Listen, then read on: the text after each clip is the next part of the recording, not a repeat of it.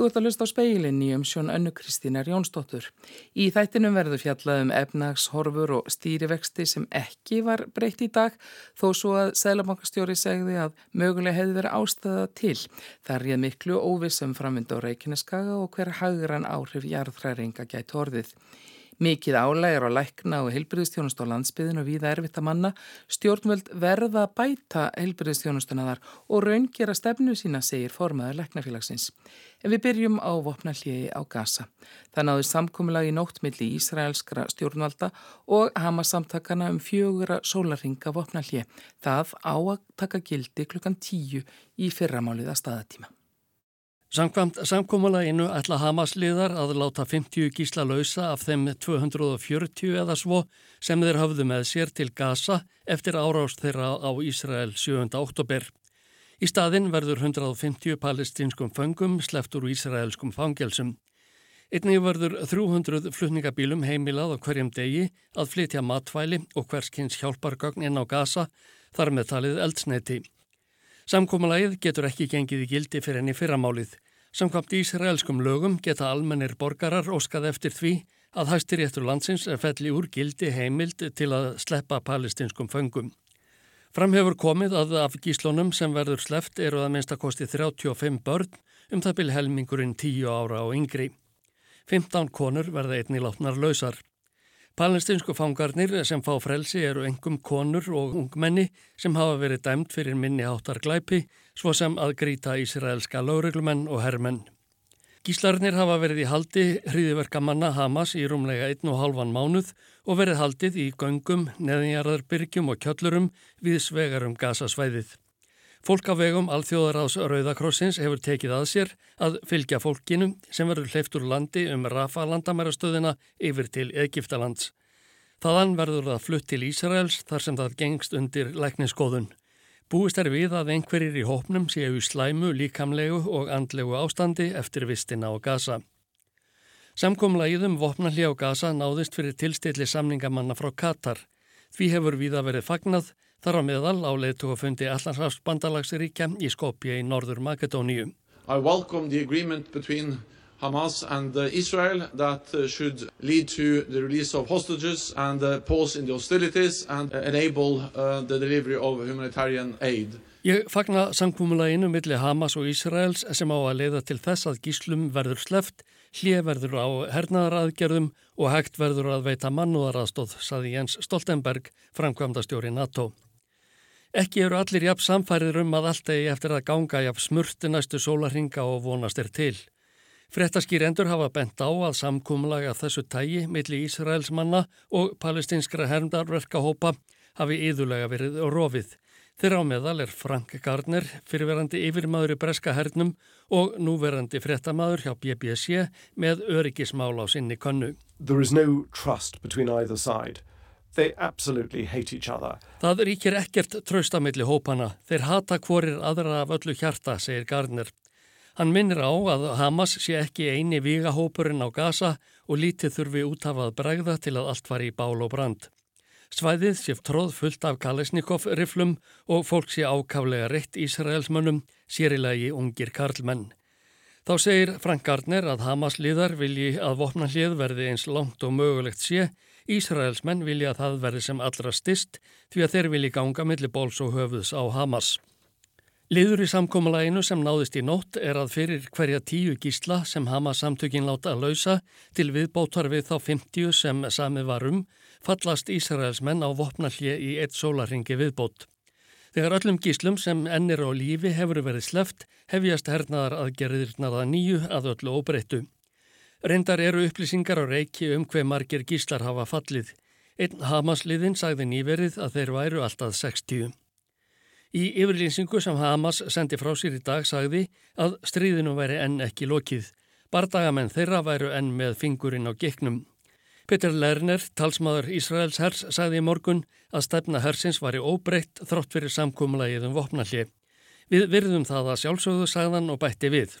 We will be in our positions, we will be standing strong and prepared because we know Hamas have a dubious record with regard to holding fire in the past. Við verðum á okkar stöðum og verðum við öllu búin því að við þekkjum af reynslunni að Hamas liðar egaða til að svíkja lit þótt samið hafi verið um hlið. Þeir hafa notað tækifæri til að ráðast á fólk, drepa það og ræna. Við þurfum því að vera við öllu búin, saði Lerner. Hann bætti við að sér væri ekki kunnugt um neina stefnubreitingu hjá Ísraelskum stjórnvöldum. Öllum ætti að vera ljós, grimd og miskunnarleysi hermdarverkamannana og þeim yrði að koma frá völdum á gasa. Skipunin um að útmá samtökin var í því að sínuviti en í fullu gildi. Ásker Tómasson tók saman. Stýrivextir Sæðlabankans verða óbreyttir 9,25% að minnstakosti fram í februar þegar næsti vaksta ákverðunadagur verður. Í yfirlýsingu peningastefnu nefndar bankans segir að verðbólka hafi minka lítilega millir mánaði oktober, hún er nú 7,9%. Undirlikjandi verðbólka hafi líka hjaðnað en verðbólku horfur hafi þó versnað. Áhrif vakstaækana undan farna missara sé að koma fram en enn gæti þurft að herða taumhald peningastefnar vegna óvissu til dæmi sem ríkjur um efnagslega áhrif jarðhræringa á Reykjaneskaga. Hagvöxtur hér mæltist 5,8% á fyrirluta ársins og er hann meðal annars drefin áfram að vexti í ferðarþjónustu. Vinnumarkaður er enn þaninn og atvinnleysi lítið en hægt hefur á fjölgun starfa á því spáð að atvinnleysi aukist eftir því sem spenna í þjóðarbúinu slaknar. Það fari 4,8% á næsta ári en úr því drægi svo að nýju. Efnagshorfur hér heima ráðast líka því hvað gerist út í um stóra heimi. Þar skipta stríð í Úkrænu og átök fyrir botni miðrahafsmiklu ekki sístum verð ráfuru. Það við dreyin okkur óvissum stöðu orkumála í Evrópu en gæti bröðu til begja vona segir í peningamálum, til dæmis ef vetturum verður harður. Sæðlabankar þróaður að ríkja haldi áfram að hækka vexti og útlýtt sér fyrir að þeir verði háir áfram um skeið. Gengi krónunar lækkaði haust eftir að hafa hækkað frá því voru fram á sömar og gengið hefur lækkað tölvert síðan þá og nokkuð skarpt eftir að bætti í jarðhræringar og reikinneskaga. Í peningamálum er farið við peningamagn og útlán, innlán heimila hafi aukist, hægt hefur á enganeyslu og sparnaður heimilana vaksiða nýju. Það hægiði á útlánum til heimila árnu en undarfarna mánuði hafi heldur bætt þar í og velta á fastegnamarkaði hafi aukist lítilega. Nýlán eru fyrst og fremst verðtryggð, talið að eftirspurn eftir húsnæðislánum mingi næstu misseri. Húsnæðisverð hækkaði 0,8% milli ára í júli og var það minsta hækkun þess í meirin tíu ár. Því að spáða rólegt verði áfram á húsnæðismarkaði en óvisa er um horfurnar. Eftirspurnin veldi meðal annars á framvindu á Reykjaneskaga. Eignastaða heimilina sög sterk, vakstakostnaði þeirra hefur þó aukist og verðbolga hefur verið mikil hérna undanfarn ár, hagnaður fyrirtækja vaksið á sama tíma. En í sérstakri greiningu í peningamálunum kemur fram að breytingar á álagningu fyrirtækja hafi átt lítinn þátt í verðbolgu þróun þryggja undanfarna ára. Verðbolgan sé frekaknúin af umfram eftirspurni í þjóðabúinu og til þess að ná tökum á henni verða beita hefðbundnum tækjum til að slá á eftirspurnina. Stýrivöxtunum var heldur ekki breytt í oktober eftir að þeir höfður að hækka þeir 14 sinum í röð frá því vorið 2021. Benedikt Sigursson fréttamaður rætti við Ásker Jónsson, Sæðlabankastjóra, eftir kynningu á vaksta ákverðunin í dag. Það sem síðan hann blasir við að þó við sjáum tölvarna árangur eftir hann síðustu þarna vastahækanir að það var samt þannig að það er bara gríðarlega mikill kraftur í þannig kerfinu, efnarslífum og það er hérna, hafastur á þessi síðasta ári var rúmlega þarna 7%, það verið líka alltaf að vera tölur hafastur á, á þessu ári. Og, og hérna vinnumarkar er mjög þaninn, það er líka lítið aðnumleysi og svo stað er ennþá. En svona bara í, í reynu hagfræðilegu tilliti, þegar, maður, þegar þið eru búin að fara yfir þetta, þið eru búin að týna fram ymsa þætti sem benda til þess, þessi meiri, jafnvel meiri verðbólgu að vænta, gengir að, að gefa eftir, er ekki bara hinnir reynu hagfræðilegu hérna, vísbendingar þær að, að það hefði átt að hækka vexti? Ég mögulega ætti að gera það, það hefði allir verið, verið hérna, góður rauk fyrir því að gera það með hvernig, hvernig staðan er. En á saman tíma þá er gríðarlega mikil óvisa hvað gerist. Það sem jarðhæringum á Reykjanes er ekki lokið, ekki vita hvernig það enda. Þannig að það var þá bara rauninni tæri rétt að byggja því að, að það kemi eitthvað meiri vissa þar. Og svo líka ántrúlega aukinn óvisa Þessi aukin óvisa, hún getur að tvenskuna aflengar, hún minna það er fyrir sig að það eru aukin ríkiskjöld og saman tíma líka aukin óvisa dregur úr neistlu almennings hefur getur mögulega haft mjög slæm áhrif á ferðarþjónustu með ábókunum og slíku. Þannig að það er ekki alveg fyrir sig hver, hver áhrifin verða. Alveg. En samdráttur í neyslu almennings og, og samdráttur í ferðarþjónustu myndi það ekki leiða til þess að það myndi draga úr þenslu? Jú, algjörlega. Og hérna að því að það bara mikilvægt að hafa í huga að efnæðslífi er ekki vél. Þetta er rauninni, við erum að tala um þá ákvarðin sem eru teknar af fólki. Hvað sem fólk er að taka ákvarðinlega í einn heimili eða, eða fyrir hann fyrirtæki. Þannig það er ekki bara fyrir sig hvað áhrif þetta hefur. Gæti farið í, í þannig báðar áttir. Og svo fyrir utan það að eins og það aðan að, að þá er þessi ferli bara ekki lókið þarna út á Reykjaneska og mjög mismundi sviðsmundi hvað, hvað getur gerst Það var kynnt hérna á fundunum og það var uh, greining Já, aðalhafrængi bankars á framlægi til verðbólgu og það var uh, lagt undir sagt, uh, launahækkanir og síðan afkoma fyrirtækina. Já. Þessi greining likur núna fyrir af hendi Sælabankars og sýnir fram á það að launahækkanir eru megin drivkrafturinn eiginlega á bakvið verðbólgu, er það ekki rétt skilið? Jú, það er tölvist stór hérna hluta því og, og það er kannski ekkit óverlegt líka í ljósið hvað þannig að vinnumarkaður er þannig, það er hvað er lítið afnuleysi og hvað hefur verið mikið um, eftirspiln eftir fólki og þetta kemur þó launengar sem getur komið bæði gennum kjærasamninga og líka bara gennum launaskrið. En þegar þú horfið til komandi kjærasamninga þá er ekkert sem bendir til þess að það sé að draga úr þessari spennu á launamarkaðum en það ekki ymmillið til þess að laun mun að hækka enn frekar? Það er alveg alveg möguleiki og, og náttúrulega kjærasamningur er aldrei gerðir í tómarúmi. Þeir endur spekla eitthvað litið það ástandinu staðar og það er bara e, mjög mikil, það er lítið aðmjölnleysi og mikil hérna spenna á vinnumarkaði. Við erum að flytja, við erum að flytja fólk til landsins að vinna og auðvitað í slíku andröðslótti þá hljóta alltaf kjærasamningar að, að taka með því. Það eru rétt. Þegar maður horfir á það sem hefur verið að gerast á undarföllum, kannski áttíða mánuðum og undarföllum missurum, þá er kannski eðlilegt bara að spyrja bara svona eins og fáið smaður, er eitthvað sem bendir til þess að við séum að ná tökum á verðbólgunni á Íslandi í nútíma eða í fyrirsjónleiri framtíð? Já, ég myndi halda það að því að sko allar vísbyrningar bendir til þess að við séum, að við séum bæði með einhvern neyslu og fjárhættingu sem sé að draga saman. Þannig við sjáum þessi ári koma fram. Spurningin er svo bara hvað svo hrætt að gerist. Og við erum í stýrivexti 9,25% sem er bara tölutáfa vextir. Saman tíma líka við að þetta er gríðarlega mikill kraftur sem er í hagkerfunu. 7,5% vextur á síðast ári, það er bara ansið mikill kraftur tölur vextur á þessu ári. Þannig að spurningum það bara hver, hversu hratt þetta ferli getur gengið fyrir sig. Þannig saman tíma líka, og þannig að það þróttu móta pengasefni, þá þetta velta fyrir þér sko, hversu hratt vil þetta gerist, hversu mikið að hækka vexti. Þá til að fara líka, það er berest hækka vexti mjög mikið, þá getur við ekki samdrátt í kjölfarið. Og svo frammeðis, þessi spá sem er kynntum í dag gerir ekki ráð fyrir samdrætti. Gerir einhver leiti ráð fyrir mjögur í lendingu, ef svo má segja. Það er að segja að við erum ekki að sjá samdrátt í framleyslu. Uh, vonandi gengur það eftir. En samtíma líka þessi, um, það er náttúrulega óvissið staðar og hvernig málinn þróast. En það er alveg ljóst að ef þetta er ekki nóg sem við höfum gert, þá verðum við að gera meira.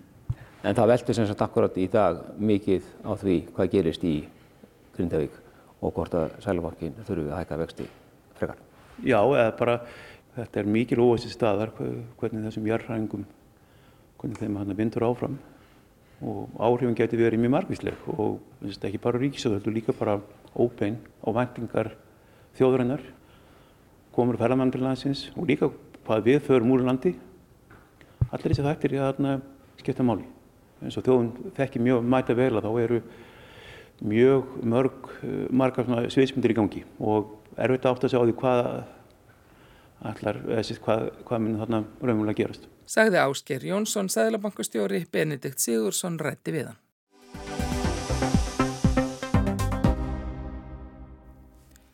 Læknar á landsbyðinni lýsa margir miklu álægi Víða reynist erfitt að manna stöður. Formaður Læknafélags Íslands segir tímabært að stjórnvöld geri alvöru úr þeirri stefnu sinna þau vilji bæta hilbyrðistjónustu utan borgarinnar.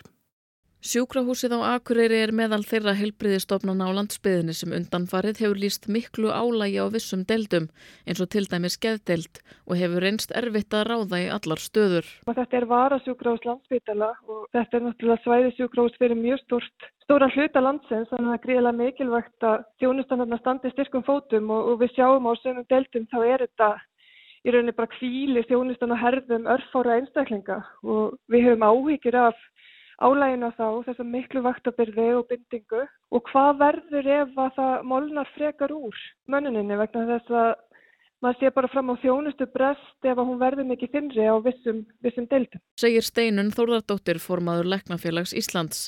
Stjórn Læknafélagsins fór á dögunum í heimsókn norður þar sem starfsfólk SAK hefur ítrekkað gert þeim ljóstað undir mönnun á ákveðnum deildum valdi óhóflegu álægi og ég tel bara að það sé algjörlega eh, akutmál og brátt atriði að hérna, tryggja þessa mönnum sem þó er með því að bæta þarna starfsastöður og kjör þeirra lækna sem er að störfum með það þá fyrir augum að geta laðað að fleiri vegna þess að eins og staðan er núna þá er mjög erfitt að laða að fólk til að ráða sér til starfa þegar að staðan er svona þung. Þetta hefur náttúrulega ákveðin fælingamátt. Emitt og nú náttúrulega eru því miður þetta kannski ekki nýja frettir, við vitum að það hefur gengið erfilega að manna þessar stöður. Hvað, mm. hvað er til ráða? Já, við erum að horfa upp á ymsa lusnir auðvitað. Ég vil samt leggja megin áherslu á það að það þarf að gæta þess mannus sem er til staðar og reyna að ráða fleiri í först störf. En ef það tekst ekki þá er hægt að leita annar að leiða og við vitum til dæmis að sjúkrafsöðu Akureyri var að beita fjarlækningum á bráðamóttökunni með mjög góðum árangri Og það gerðu þau einmitt til að breyðast við langvarandi undirmönnun fyrir á árinu. Íslenskur læknir í bandaríkunum tók vaktir á bráðadeldi gegnum tölvu en landlæknir bað sjúkrahúsið að hætta því þar sem öryggi upplýsinga væri ótryggt. Sak segir þau ekki eiga búnað til að standast kröfur landlæknis. Þau segjast vilja halda verkefninu áfram og leita nú leiða til þess sem gæti þó þýtt að þyrta kaupa dýran búnað í verkið. Í sáttmála ríkistjórnarinnar frá 2021 segir að tilstandi að ebla fjárheilbreyðistjónustu og það hefur ítrekkað verið nefnt undan farin ár með það í huga að bæta heilbreyðistjónustu á landsbyðinni. Læknafélagið vil sjá endir þessara lofórða. Ég er ekki að sjá kannski svona heildræna atlögu að þessu því að það þarf auðvitað að vera svolítið stórhuga. Þetta er reysastórt mál og þessar stofnunir út á landi þurfa stuðning og þar þurfa fjármagn til þess að fara í þessa vegferð. Þetta er ekki ókipis til að byrja með allavegna og það þarf bara að gefa þeim sveigurum til þess að koma sér uppi sem útbúnaði á öruganhátt En álægið á heilbreyðistofnunum á landsbyðinni er ekki jamt allt árið um kring. Á sumrin markfaldast íbúafjöldi sumra lítilla bæjarfélaga þegar ferðamenn flikkjast til landsins. Þá sérstaklega á stöðum þar sem skemmtifærðaskip hafa viðkomu eins og á Ísafyrði, Akureyri eða Seyðisfyrði.